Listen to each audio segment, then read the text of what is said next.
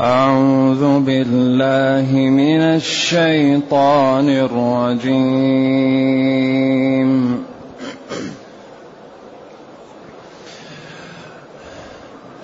والذي نزل من السماء ماء بقدر فأنشرنا فأنشرنا به بلدة ميتا كذلك تخرجون. والذي خلق الأزواج كلها وجعل لكم من الفلك وجعل لكم من الفلك والأنعام ما تركبون لتستووا على ظهوره ثم تذكروا نعمة ربكم إذا استويتم عليه. ثم تذكروا نعمة ربكم إذا استويتم عليه وتقولوا وتقولوا سبحان الذي سخر لنا هذا سبحان الذي سخر لنا هذا وما كنا له مقرنين. وإنا إلى ربنا وإنا إلى ربنا ربنا لمنقلبون. وجعلوا له من عباده جزءا إن الإنسان لكفور. ان الانسان لكفور مبين ام اتخذ مما يخلق بنات واصفاكم بالبنين واذا بشر احدهم بما ضرب للرحمن مثلا ظل وجهه مسودا وهو كظيم أومن ينشأ في الحلية وهو في الخصام غير مبين. وجعلوا الملائكة الذين هم عباد الرحمن إناثا. وجعلوا الملائكة الذين هم عباد الرحمن إناثا أشهدوا خلقهم أشهدوا خلقهم ستكتب شهادتهم ستكتب شهادتهم ويسألون. وقالوا لو شاء الرحمن ما عبدناهم ما لهم بذلك من علم إن هم إلا يخرصون. أم آتيناهم كتابا من قبله فهم به مستمسكون بل قالوا إنا وجدنا آباءنا على بل قالوا إنا وجدنا آباءنا على أمة وإنا على آثارهم وإنا على آثارهم مهتدون.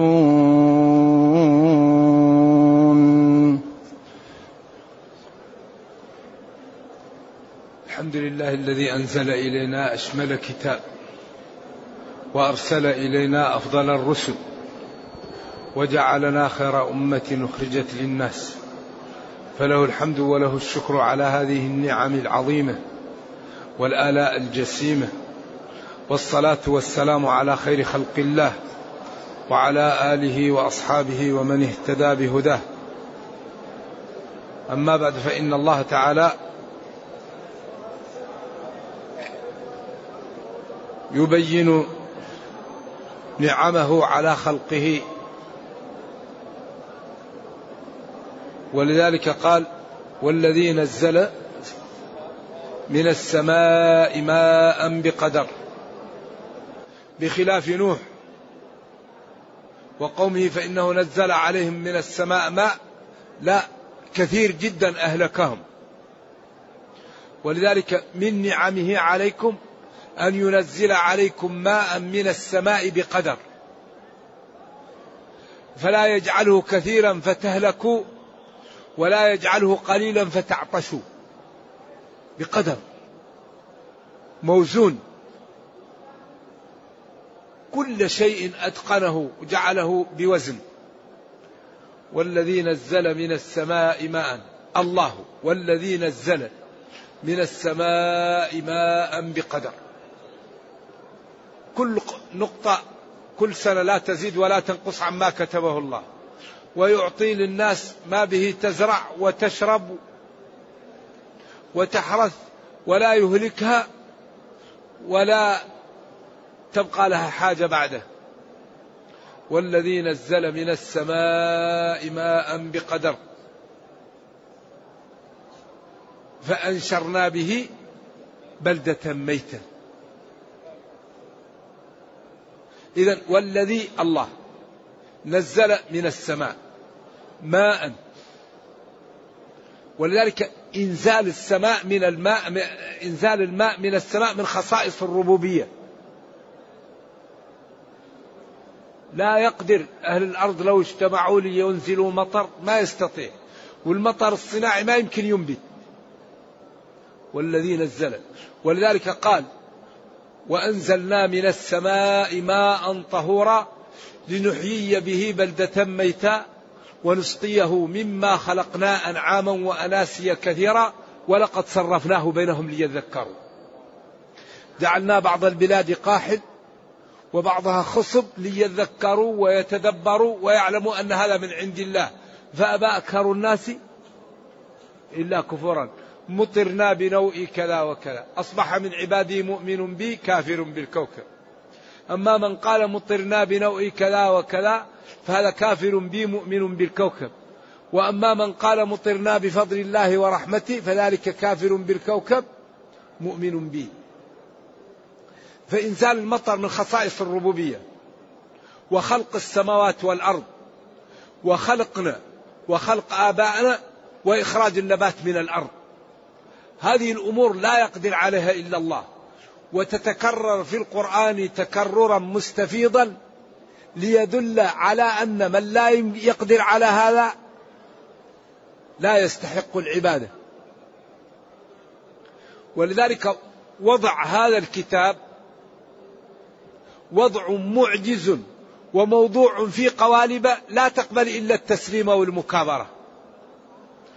يعني الأدلة والبراهين الذي وضع عليه هذا الكتاب لا يقبل إلا التسليم أو المكابرة المكابرة كأن يقول هذا ليس عمود هذا مثلا شجرة.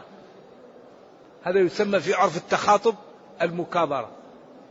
ولذلك الله لما قسم الناس في أول سورة البقرة إلى ثلاثة أقسام. ولا رابع لأهل الأرض. قسم مؤمن وأعطاهم صفاتهم وجزاءهم. وقسم كافر وأعطاهم صفاتهم وجزاءهم. وقسم منافق وأعطاهم صفاتهم وجزاءهم. نادى الطوائف الثلاثة. قال يا أيها الناس وأتى بأول أمر في المصحف. اعبدوا ربكم. وذكر هذه الأمور التي لا يقدر عليها إلا الله. وأحدث تساؤل ضمني. من هو ربنا الذي نعبد؟ قال الذي خلقكم. وخلق آباءكم. وخلق السماء. وخلق الأرض. وأنزل المطر من السماء. وأخرج النبات من الأرض. ثم جاء بأول نهي في المصحف. فلا تجعلوا لله أندادا. وهذين الإنشاءين أعني الأمر والنهي هما معنى لا إله إلا الله مفرقة بأدلتها. بعد أن قسم الناس إلى منافق وكافر ومسلم وأعطى لكل شريحة صفاتها وجزاءها. هدى للمتقين الذين يؤمنون بالغيب ويقيمون الصلاة. بعد إن الذين كفروا سواء عليهم أنذرتهم أم لم تنذرهم؟ لا يؤمنون. ومن الناس من يقول آمنا بالله وباليوم الآخر وما هم بمؤمنين. وأسهب في المنافقين لأنهم أعلنوا شيء وكذبوا. ولذلك كانوا في الدرك الأسفل من النار أو في الدرك الأسفل من النار. ثم جاء بعد ذلك ببرهان محمد رسول الله عن طريق الإقناع والإنصاف. وعن طريق مخاطبة العقول النيرة والأحاسيس الجياشة. فقال جل وعلا وإن كنتم في ريب مما نزلنا على عبدنا فأتوا بسورة. ما قال فقد كفرتم فإن لم تستطيعوا في الماضي ولن تستطيعوا في المستقبل فهناك الخطر ماثل. وقد أوعد المكذب به النار فاتقوا النار. إذا ديننا على أسس وقواعد هائلة في الجمال والحسن والقوة والبيان. لكن نحن نائمون. ينبغي أن نأخذ الكتاب بقوة. ينبغي أن نهيئ مراكز للاستفادة من القرآن. ينبغي أن نحل مشاكل العالم بالقرآن.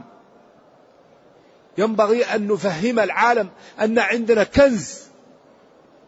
كل ما يحدث في العالم حله في القرآن. لأن الله يقول ونزلنا عليك الكتاب تبيانا لكل شيء. ويقول ومن أصدق من الله قيلا ومن أصدق من الله حديثا. أي مشكلة تقع حلها في القرآن. السنة كلها دخلت في آية. وما أتاكم الرسول فخذوه وما نهاكم عنه. فهذا الكتاب حري بأن يعطى الوقت وأن يتمثل وأن يفهم. وأن يقرأ ويحفظ ويتأدب بآدابه ويتخلق بالأخلاق التي يدعو إليها. إذا نزل لكم ماء من السماء بقدر. لطفه بقدر. ما هو مثل ماء نوح؟ الطوفان الذي جاء قال فانتصر ففتحنا أبواب السماء بماء منهمر وفجرنا الأرض عيونا. الله قال لما قال نوح إني مغلوب فانتصر. فالله قال للأرض امطري وقال للأرض اطلعي. ولذلك التنور قلنا إنه وجه الأرض على أصح التفاسير. لأنه قال وفار التنور والتنور وجه الأرض. الفيروزباد يقول التنور ما يخبز به ووجه الأرض. ووجه الأرض.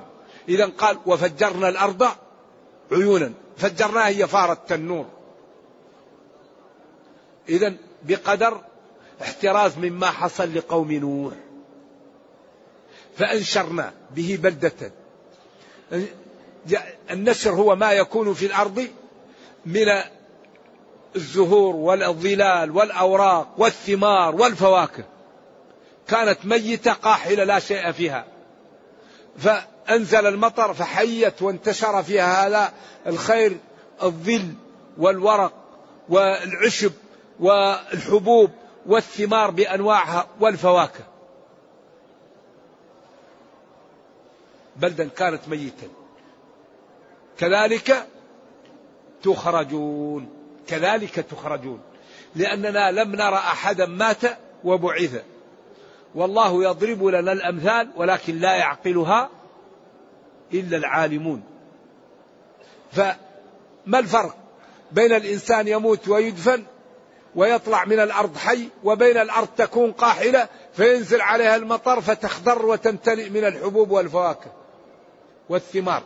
لذلك قال كذلك تخرجون من القبور بعد موتكم أحياء كما أحييت هذه الأرض التي كانت قاحلة بالماء الذي نبت عليها وأصبحت منتشر فيها يعني الخير والعشب والمنافع كذلك تخرجون. وقال في الآية الأخرى وترى الأرض هامدة فإذا أنزلنا عليها الماء اهتزت وربت وأنبتت من كل زوج بهيج ذلك بأن الله هو الحق وأنه يحيي الموتى كما أحيا. إذا أكبر دليل على الإحياء الأنفس إذا ماتت هو إحياء الأرض بعد موتها. لذلك هذا الكتاب كل مشكلة عندنا يحلها. كل مشكلة عندنا يحلها كتابنا. فحري بنا أن نعطيه الوقت. الوقت الوقت. أكبر مشكلة يعيشها العالم الإسلامي هو هجر القرآن. هو عدم تمثل الدين. هو أننا كثير منا لا يحفظ سورة البقرة. وسورة البقرة سلام القرآن.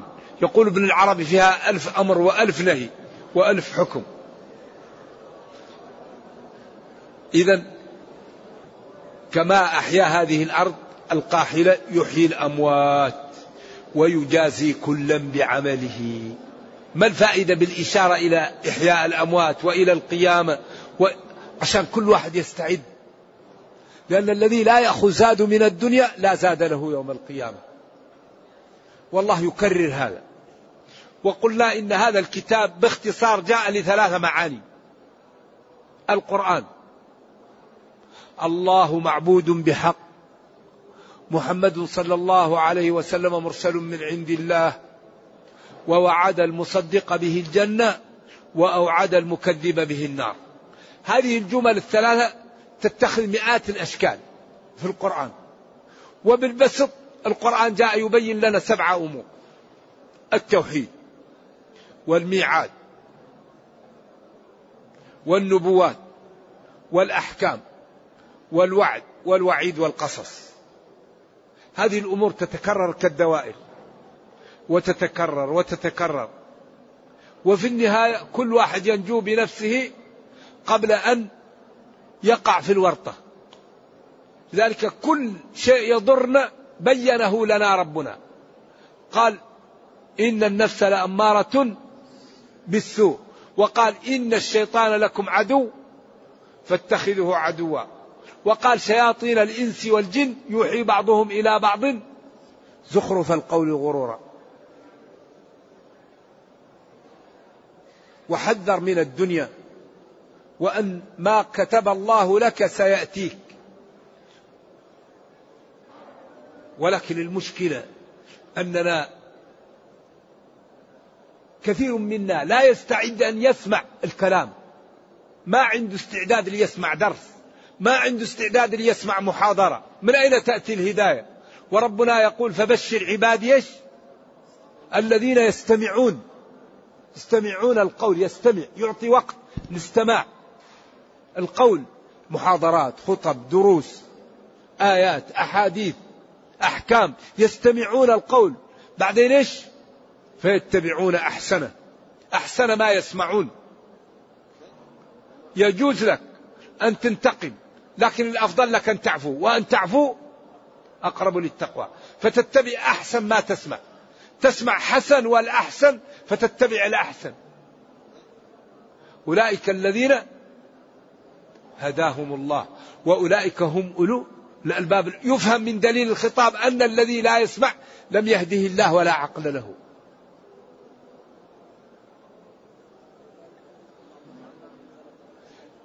كذلك أي تخرجون من القبور كما تحيا هذه الأرض. والذي خلق الأزواج كلها. أزواج الليل والنهار الظلام والضياء الذكر والأنثى. الشمس والقمر أصناف وأزواج وأعطى كل شيء خلقه ثم هدى ثم السبيل يسره. ضيق كيف؟ ولا يوجد شيء أتقن من خلق الإنسان. ولقد خلقنا الإنسان من س... بعدين قال كرمنا بني آدم. لذلك هذا الإنسان معمول بإتقان هائل جعله مستوي مرتفع القامة ويتطبق ويمكن يدخل من أضيق محل و و و وقال نحن خلقناهم وشددنا أسرهم وإلا يقال جرى فلان أمس وسقطت رجله أو نام وسقطت أذنه شددنا أسرهم وشد الأصابع بالأظافر وجعل الإبهام بعيد. حشان يحل ويعقد. قادرين على أن نسوي بنانه. ليست البصمة. نجعل يده كيد البعير. ما يقدر يحل ولا يعقد. نعم. وجعلنا هذه الأذن التي لا غطاء فيها فيها مادة تجفل الحشرات وجعل العين لها غطاء. وجعل هذه اللحمة تحتها عين عذبة تجم لك بقدر الحاجة. وعلمك البيان ما يجيش في صدرك. وقال جل وعلا وفي أنفسكم أفلا تبصرون. دين دين هائل في الجمال والحسن والنعم.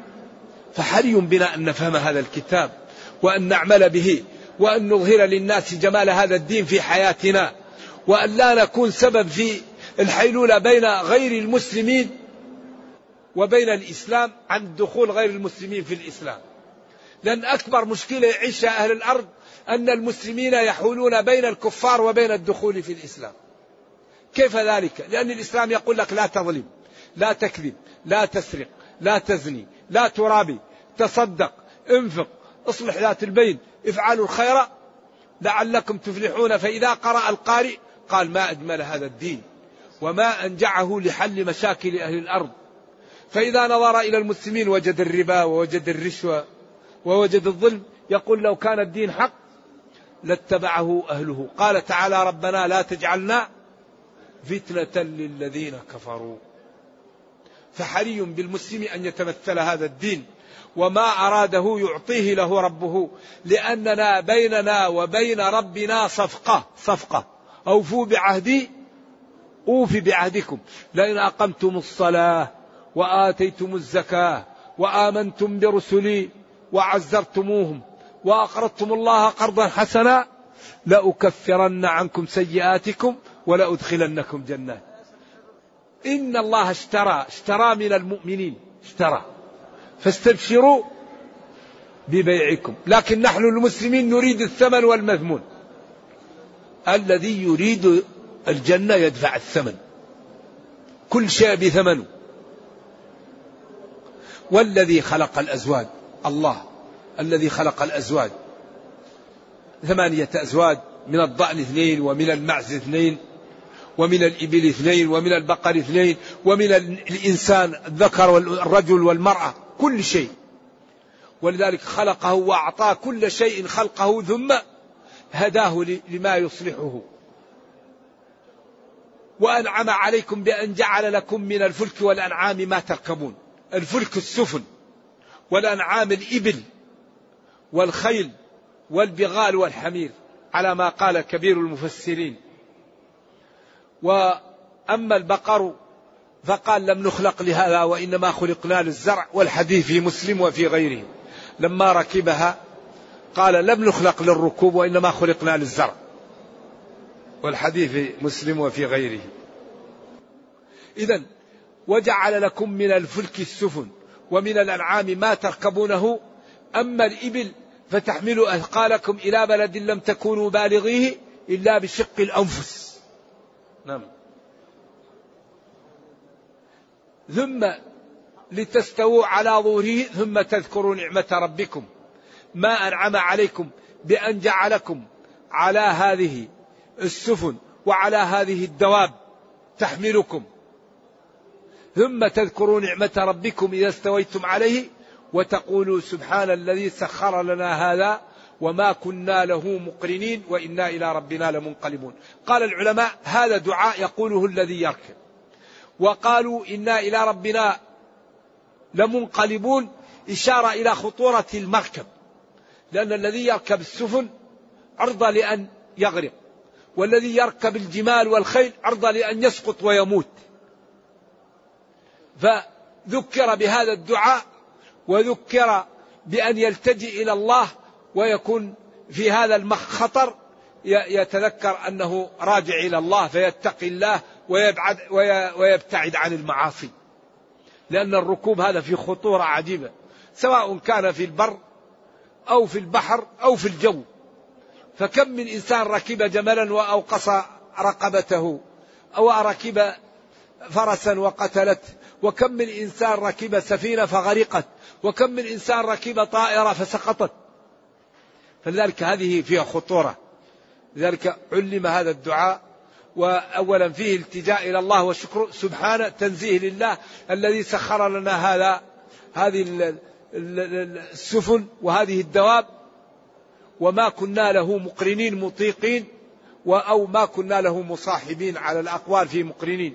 وإنا إلى ربنا لمنقلبون لراجعون بعد البحث ومجازي كلا بعمله. ثم عاب كفار قريش ومن كان حولهم بعد أن أظهر نعمه وقدرته وما أسدى لخلقه من النعم وجعلوا له كفار. قريش ومن حلا حواهم من عباده من خلقه جزءا نصيبا نسبوه لله وهو خلقه. وقيل الجزء تقولها العرب للبنات. وضعف ذلك بعض اللغويين وقال هذه لغة مولدة وليست صحيحة. وقد ذكرها اللسان فيما أن يقال جزأت المرأة إذا ولدت بنتا ولكن ثبوت ذلك يحتاج إلى دليل ولكن ورد. أي وجعلوا له من عباده جزءا أي بنتا أو نصيبا وهذا الذي اختاره كبير المفسرين ابن جرير. أي نصيب. ولذلك قالوا الملائكة بنات الله. تعالى وتقدس عن ذلك كما قال تكاد السماوات يتفطرن وتنشق الأرض وتخر الجبال هدا أن دعوا للرحمن ولدا وما ينبغي للرحمن أن يتخذ ولدا. إن كل من في السماوات والأرض إلا آتي الرحمن عبدا. لقد أحصاهم وعدهم عدا وكلهم آتيه يوم القيامة فردا. فهذا الحقيقة التي قالت قريش ومن حلا حلوها قول شنيع وكفر وكذب. وجعلوا له من عباده أي من خلقه جزءا نسبوه إليه وهم الملائكة وقالوا إنهم بنات. إن الإنسان لكفور. إذا مسه الخير جزوع وإذا مسه الشر إذا مسه الخير منوع وإذا مسه الشر جزوع. إنسان كفور كل ما أعطاه النعم يكفر. إن الإنسان ليطغى أن رآه استغنى طبعا هذا الإنسان الكافر. أما الإنسان المؤمن كثير الحمد لله والخوف منه والشكر كما كان نبينا صلى الله عليه وسلم والرسل قبله وكما كانت أتباعه يشكرون الله ويخافون منه ويمتثلون أوامره ويجتنبون نواهيه. إن الإنسان لكفور مبين الكفر. كل ما أعطاه نعم قابلها بإيش؟ بالكفر. ويجحد. قارون قال إنما أوتيته على علم عندي. وفرعون قال أم أنا خير من هذا الذي هو مهين. لكن كل هؤلاء يوقع الله بهم في الدنيا والأخرى. هذا فخسفنا به. والثاني أغرقه الله. وكل من يتكبر ويقف في وجه دين الله ويعادي أولياء الله مآله إلى الهلاك والخسران والدمار. ويبعث يوم القيامة مثل الذر. فلا يقام له يوم القيامة وزنا. فلذلك أخطر شيء على الإنسان أن يحتقر أولياء الله وأصحاب دينه.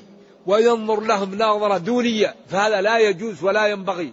ولذلك قال ربنا لنبيه صلى الله عليه وسلم ورسوله واصبر نفسك مع الذين يدعون ربهم بالغداة والعشي يريدون وجهه ولا تعد عيناك عنهم تريد زينة الحياة الدنيا ولا تطع من أغفلنا قلبه عن ذكرنا واتبع هواه وكان أمره فرطا وقل الحق من ربكم فمن شاء فليؤمن ومن شاء فليكفر إنا أعتدنا للظالمين نارا أحاط بهم سرادقها. إذا لا عذر بعد هذا البيان. ينبغي لكل واحد أن يتنبه. إن الإنسان لكفور شديد الكفر مبين كفره. أم اتخذ؟ أاتخذ مما يخلق بناتي وأصفاكم بالبنين. يعني هذا هو مع كفركم وشناعة ما تنسبون لله. تنسبون له الذي لا تحبونه. وإذا بشر أحدهم بالأنثى ظل وجهه مسودا وهو كظيم يتوارى من القوم من سوء ما بشر به. بعدين الذي يكره يكرهونه ينسبونه لله. والله جل وعلا حاشاه من الولد فينسبون له الولد وينسبون له من الولد ما لا يحبون. كفر بعد كفر. اتخذ يعني الميم يقال زائدة. أتخذ مما يخلق بنات. وهي الملائكة يقولون بنات وأصفاكم أنتم اصطفاكم بالبنين والحال أنكم إذا أخبر أحدكم بالأنثى ظل وجهه مسودا لألم نسبة البنت له وهو كظيم يعني مليء من الألم والحزن لأن ولدت له بنت.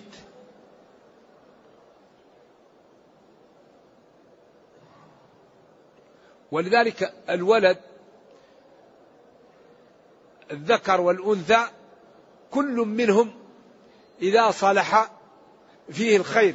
ولكن الله يقول وليس الذكر كالأنثى كما قالت مريم.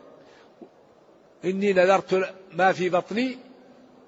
بعدين قال إني وضعتها أنثى والله أعلم بما وضعت وليس الذكر كالأنثى أو وضعت.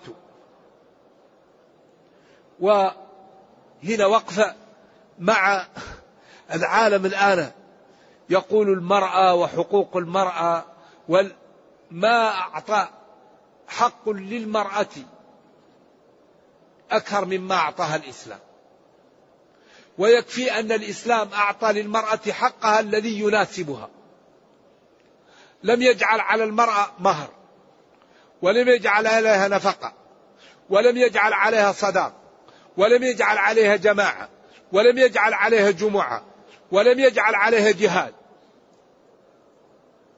أوجب عليها أن تطيع زوجها وإذا أمرها أطاعته وإذا غاب عنها حفظته في نفسه وماله. وكل سنة تأتينا بولد وبنت وهي مصنع الذي يكثر به الأمة. هذا أكثر شيء تقوم به المرأة. أنها كل سنة تأتينا بولد أو بنت. ولا عليها غير الإنجاب وطاعة زوجها. أما إذا خرجت المرأة وخرج الرجل من للبيت؟ من ينجب؟ وإذا أردنا أن نسوي بين المرأة والرجل أكثر ما تنال المرأة من الألم هو أيام الحمل الوحم ووقت الطلق النفاس وأيام الأرضاع. وحمله وفصاله ثلاثون شهرا. حملته كرها ووضعته كرها. أو في القراءة الأخرى كرها. المهم أننا إذا أردنا أن نسوي بين المرأة والرجل يكون بطن على الرجل وبطن على المرأة. حمل على الرجل وحمل على المرأة. هل يمكن هذا؟ إذا لا يمكن. المرأة تشتغل فيما خلقت له والرجل يشتغل فيما خلق له. لأن الرجل ما عنده رحم. المرأة هي اللي عندها رحم تلد. والرجل ليس في في ثديه حليب لبن يرضع به. إذا كيف نسوي بين الرجل والمرأة؟ وأصعب ما تنال المرأة هو الطلق والوحم والإرضاع. وإذا أردنا أن نسوي نقول بطن على الرجل وبطن على المرأة عشان نسوي. إذا يستحيل هذا. إذا المرأة تشتغل فيما تحسن والرجل يشتغل فيما يحسن. ولذلك هم يقولون إن الإسلام كثر ميراث الرجل عن المرأة. نعم لأن الرجل ينتظر النقص والمرأة تنتظر الزيادة. والذي ينتظر الزيادة لو نقص هذا عدل والذي ينتظر النقص لو زيد هذا عدل. المرأة تنتظر مهر نفقة كسوة سكنة. الرجل ينتظر أن يدفع نفقة مهر جديد. كسوة. فالرجل ينتظر النقص والمرأة تنتظر الزيادة فكثرنا من ينتظر النقص على من ينتظر الزيادة. ومع ذلك ربنا هو الخلق وقال ما لا للذكر مثل حظ الأنثيين. هذا كلام من؟ كلام الله. وما كان لمؤمن ولا مؤمنة إذا قضى الله ورسوله أمرا. ولذلك الذي يعترض على الله خطر. الكبير المتعال.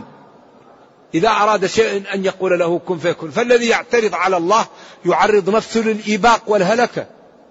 فلذلك هذا الدين في نوع من الإتقان لا يعلمه إلا من فهمه.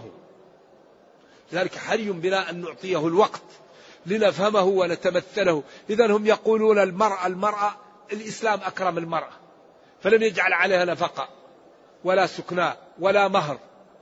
وحافظ عليها ولم وحرم عليها أن تسافر بمفردها.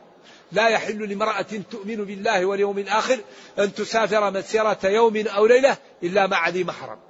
وحرم عليها الخلوة بالأجنبي. لا يخلون رجل بامرأة إلا وكان الشيطان ثالثهما.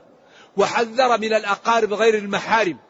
ولما سئل صلوات الله وسلامه عن الحمو قال الحمو الموت. عم عم الزوج أخو الزوج خال الزوج أخو الزوج غير المحارم. قال الموت قال العلماء هذا من جوامع الكلم لأنها إذا كانت الحم الموت فإما أن يخلو بها ويقع بينهم ما لا ينبغي وهي محصنة فترجم أو يراها قريبه في محل معه لا يليق فيطلقها فتموت موتا معنويا فتبقى بدون زوج فكأنها ماتت لأنها تقع في احتياج. فهو إما موت حسي أو موت معنوي وهذا من جوامع الكلم. فلذلك هذا الدين هو الذي أكرم المرأة فنهاها عن تسافر بمفردها وجعل لا شيء عليها إلا أن تطيع زوجها أو تجلس في بيت أبيها أو أخيها أو عمها. وحرم عليها الخلوة بالرجال. وأباح لها البيع والشراء وأباح لها أن تكون لها ذمة وتتاجر.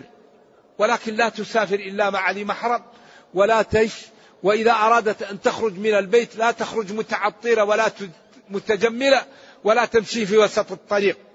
تمشي في طرف الطريق ولها أن تبيع وتشتري وتملك ولها ذمة. وقال ومن يعمل من الصالحات من ذكر أو أنثى؟ وقال إن المسلمين والمسلمات وقال فالصالحات قانتات حافظات للغيب. وما في شيء في الدنيا مثل المرأة الصالحة. فلذلك هم يطعنون على المسلمين في بالنساء والنساء أكرمهن الإسلام وأعطاهن حقوقا وأوصى نبينا صلى الله عليه وسلم بالنساء عند موته. فقال لا يكرمهن إلا كريم ولا يهينهن إلا لئيم. خياركم خياركم لأهله وقال استوصوا بالنساء خيرا فإنهن عوان عندكم. ولذلك نبينا قال ما رأيت من ناقصات عقل ودين أذهب بلب الرجل الحازم من إحداكن فقلنا له ما نقصان عقلنا؟ قال أليست شهادة المرأة نصف شهادة الرجل؟ قالوا نعم. قالوا ما نقصان دينهن؟ قال أليست المرأة يأتيها مانع من الصلاة ومن الصوم؟ قالوا نعم. قال, قال ذلك نقصان دينهن. والله لا يسأل عما يفعل. هكذا. ولذلك المرأة إذا طاعت ورضيت بما كتب لها فهي أخذ منها شيء وعوض عنها كثير. ولذلك المسلم يطيع ربه وما شرع له يعمل به ولا يعترض على الله. ولذلك الله أشار لهذا. قال ولا تتمنوا ما فضل الله به بعضكم على بعض. ليش ميراث الرجل أكثر من المرأة؟ ليش المرأة لا تسافر إلا مع ذي محرم؟ للرجال نصيب مما اكتسبوا وللنساء نصيب مما اكتسبوا وهناك باب مفتوح للجميع. واسألوا الله من فضله ولا تعترضوا على شرع الله. فإن الاعتراض على شرع الله معطبة ومهلكة هذا إعجاز هنا. واسألوا الله من فضله امرأة تريد حاجة تسألها لله. رجل يريد حاجة يسألها لله. أما لماذا لماذا شرع الله لا يعترض عليه. وإذا بشر أحدهم بما ضرب للرحمن مثلا وإذا بشر أحدهم بالأنثى ظل وجهه مسودا وهو كظيم. ثم قال أو من ينشأ في الحلية وهو في الخصام غير مبين. كل العالم يجعل على فم المرأة أصباغ بعض البلاد أحمر وبعضها أسود حو اللماء وبعضهم يحمله ويجعل في عينها الكحل ويجعل في آذانها القرط ويجعل في أيديها الدمالج ويجعل في أرجلها الخلاخل. طيب ليش يظلمها؟ ليش ما يعمل الرجل هذا؟ في كل بلد تجد المرأة يحط هذا. الرجل لا يعمل له هذا لأن الرجولة كمال وكمال الرجل قوته وكثرة الشعر فيه وكمال المرأة ضعفها ونعامة جسمها. لذلك هذه النساء خلقن لشيء وهذا الرجال خلقوا لشيء. فإذا أردنا أن نجعل الرجل مثل المرأة ضيعنا العالم. ولذلك الله يقول وليس الذكر كالأنثى. الرجل لو يجتمع عليه أهل نساء أهل الأرض يريدون منه حاجة وهو لا يريد لا يمكن أن يصلن لها. والرجل يمكن أن يصل ينال حاجته من المرأة وهي كاره. إذا ليس مثل بعض. وبعضهم يقول ممن حملن به وهن عواقد حبك النطاق فشب غير مهبل. إذا المرأة لا تنال من الرجل شيء إذا كان كاره. والمرأة يمكن ينال منها الرجل وهو كاره. فلذلك الله نسب الولد له لما أعطاه ولأن المرأة الرجل ليس وليس الذكر كالأنثى. نعم. وهي وهو في الخصام غير مبين. أو من ينشأ في الحلية؟ وقال وهو أي المنشأ في الحلية. المذكور المخلوق منشأ في الحلية وهو في في الخصام. ولذلك من جمال المرأة أن تكون لا تبين وأن تكون إذا تكلمت تلعثمت ومن شين المرأة أن تكون مفوهة لأن تكون هذه تكون رجلة. ولذلك المرأة إذا كانت مثل مشكلة ولذلك الآن اكتشفوا أن المرأة إذا كشفت جسمها ماتت المادة في الجسم الذي تجعله ناعما ونبت الشعر والعضلات فلم تشتهى فلم تبقى بغير جوز وبغير أولاد. ولذلك الله قال يدنين عليهن من جلابيبهن. ذلك أدنى أن يعرفن أنهن حرائر فلا يؤذين وأن تبقى لهن أنوثتهن وجمالهن. هذا ما كان يعلم. هذه إعجازات الآن كشف أن المرأة إذا كشفت جسمها مات الهرمون المؤنث فنبت الشعر والعضلات فأصبح الرجل إذا رآها يخاف ويشرد فتبقى بدون زوج. ولذلك قال وما عجب أن النساء ترجلت ولكن تأنيث الرجال عجاب. فمشكلة المرأة الرجلة ولذلك ملعون من تشبه من الرجال بالنساء وملعونة من تشبهت من النساء بالرجال. لا ينبغي. هذه المرأة لها ميزاتها وهذا الرجل له ميزاته ولا يتشبه الرجل بالمرأة ولا المرأة بالرجل. وكل له خصائصه وميزاته ولذلك العالم لا يحله إلا, إلا, إلا نظام السماء. فما دام أهل الأرض يطبقون نظام الوضع فلا يمكن أن يسعدوا. فلا بد أن يبقى الظلم ويبقى الاضطهاد ويبقى الجوع ويبقى الفتن الذي يحل مشاكل أهل الأرض نظام السماء. لأن الله هو الذي خلق البشر وهو الذي يعلم ما يصلح له. أما النظم الوضعية عاجزة أن تصلح العالم. لذلك حري بالعالم أن يحكم شرع الله ليسعد في دنياه وأخراه. وهو في الخصام غير مبين أي إذا خاصمت وتكلمت لا تستطيع أن تبين. ولذلك هذا جمال آه، يعني ويمدحون النساء بأنهن إذا أرادت أن تتكلم لا تستطيع. نعم. وجعلوا الملائكة هؤلاء كفار قريش الذين هم عباد الرحمن الذين هم عند الرحمن. قراءتان سبعيتان. وهم عند الرحمن هذه عندية زي ناقة الله. وهم عباد الرحمن للتشريف وعند الرحمن يعني حرس لما في السماء وهم عنده عباد مكرمون لا يعصون الله ما أمرهم فهم عباد له وعنده عندية آه، تشريف وتكريم. جعلوهم إناثا. ثم رد الله عليهم وقال أشهدوا خلقهم؟ أشهدوا خلقهم؟ مبني للمعلوم وللمجهول وكل قراءة صحيحة سبعية. ستكتب شهادتهم عليهم ويسألون عنها يوم القيامة وسيجازون على هذا الكفر الشنيع والكذب العظيم عياذا بالله تعالى بالنار. هنا يعني قضية في غاية الخطورة. وقالوا لو شاء الرحمن ما عبدناهم.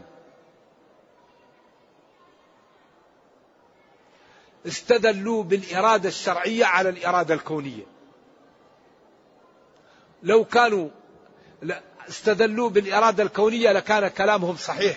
لكن قالوا لو شاء الرحمن ما عبدناهم قالوا لو لم يرضى الله منا ذلك ويحبه لما عبدناهم إذا الله رضي منا ذلك وأحبه وفعلناه لأجل ذلك فكذبهم الله لقولهم إن الله رضي ذلك وأحبه.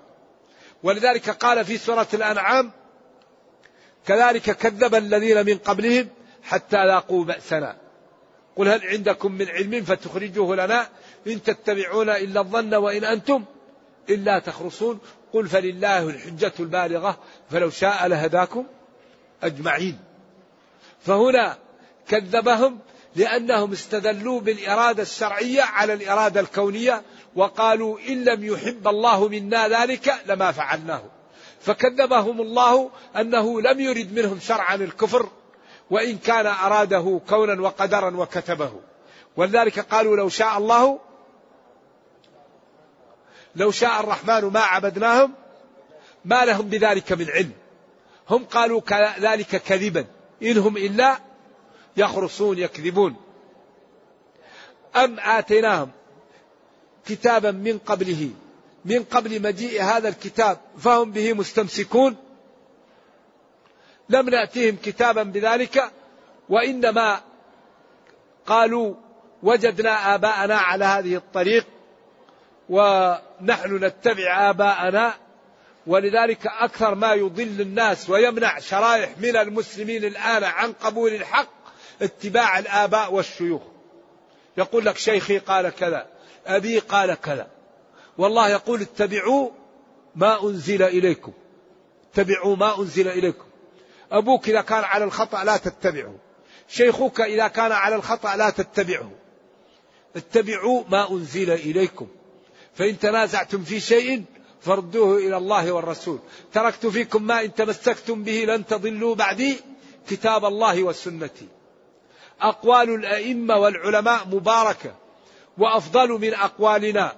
وآراؤهم أفضل من آرائنا. واجتهاداتهم أفضل من اجتهاداتنا. لكن إذا جاءت النصوص النصوص معصومة. وأقوال العلماء غير معصومة. تتحمل الخطأ ولو واحد في المليون. أما النص معصوم. فلذلك إذا جاء نهر الله بطل نهر معقل. دعوا كل قول عند قول محمد صلى الله عليه وسلم فما آمن في دينه كمخاطري. تقول واحد قال الله يقول لك قال فلان قال شيخي. قال أبي لا. ولذلك هؤلاء قالوا وجدنا آباءنا على أمة على دين على دين وعلى نهج وإنا على آثارهم أي مهتدون منقادون وهذا الذي جعل أبا طالب لا يدخل في الإسلام. نرجو الله السلام والعافية. يقول له ابن أخيه يا عم قل لا إله إلا الله يا عم قل كلمة أحاج لك بها عند الله. فشرق من أن يتبع ابن أخيه يتيما رباه ويترك دين الأشياخ دين عبد المطلب وأجداده والبطحاء وقال كيف نتبع ابن أخي يتيم؟ حتى مات على النار نرجو الله على الكفر نرجو الله السلام والعافية. وهو كان متيقن أنه صادق لأنه يقول ولقد علمت بأن دين محمد من خير أديان البرية دينا لولا الملامة. أو حذار مسبة. لوجدتني سمحا بذاك مبينا. لولا أن يلوم الناس ويقول اتبع دين آبائه وأجداده وترك وتبع أبناء أخيه يتيما لاتبعتك. ولكن أخاف من الملامة ومن النعاب إذا فلنبادر ونتبع النصوص ونتبع الحق. ولا يهمنا ما قال قائل. لأن هذه النصوص معصومة. والله يقول اتبعوا ما أنزل إليكم ويقول اليوم أكملت لكم دينكم ونبينا يقول ألا إني أوتيت القرآن ومثله معه وقال له ربه لتبين للناس ما نزل إليه. فلا توجد قضية إلا وهي محلولة في هذا الدين. لأن الله قال ومن أصدق من الله قيلا وقال تبيانا لكل شيء وقال أكملت لكم دينكم. وأمره بأن يبين القرآن وبين كل ما أشكل فيه.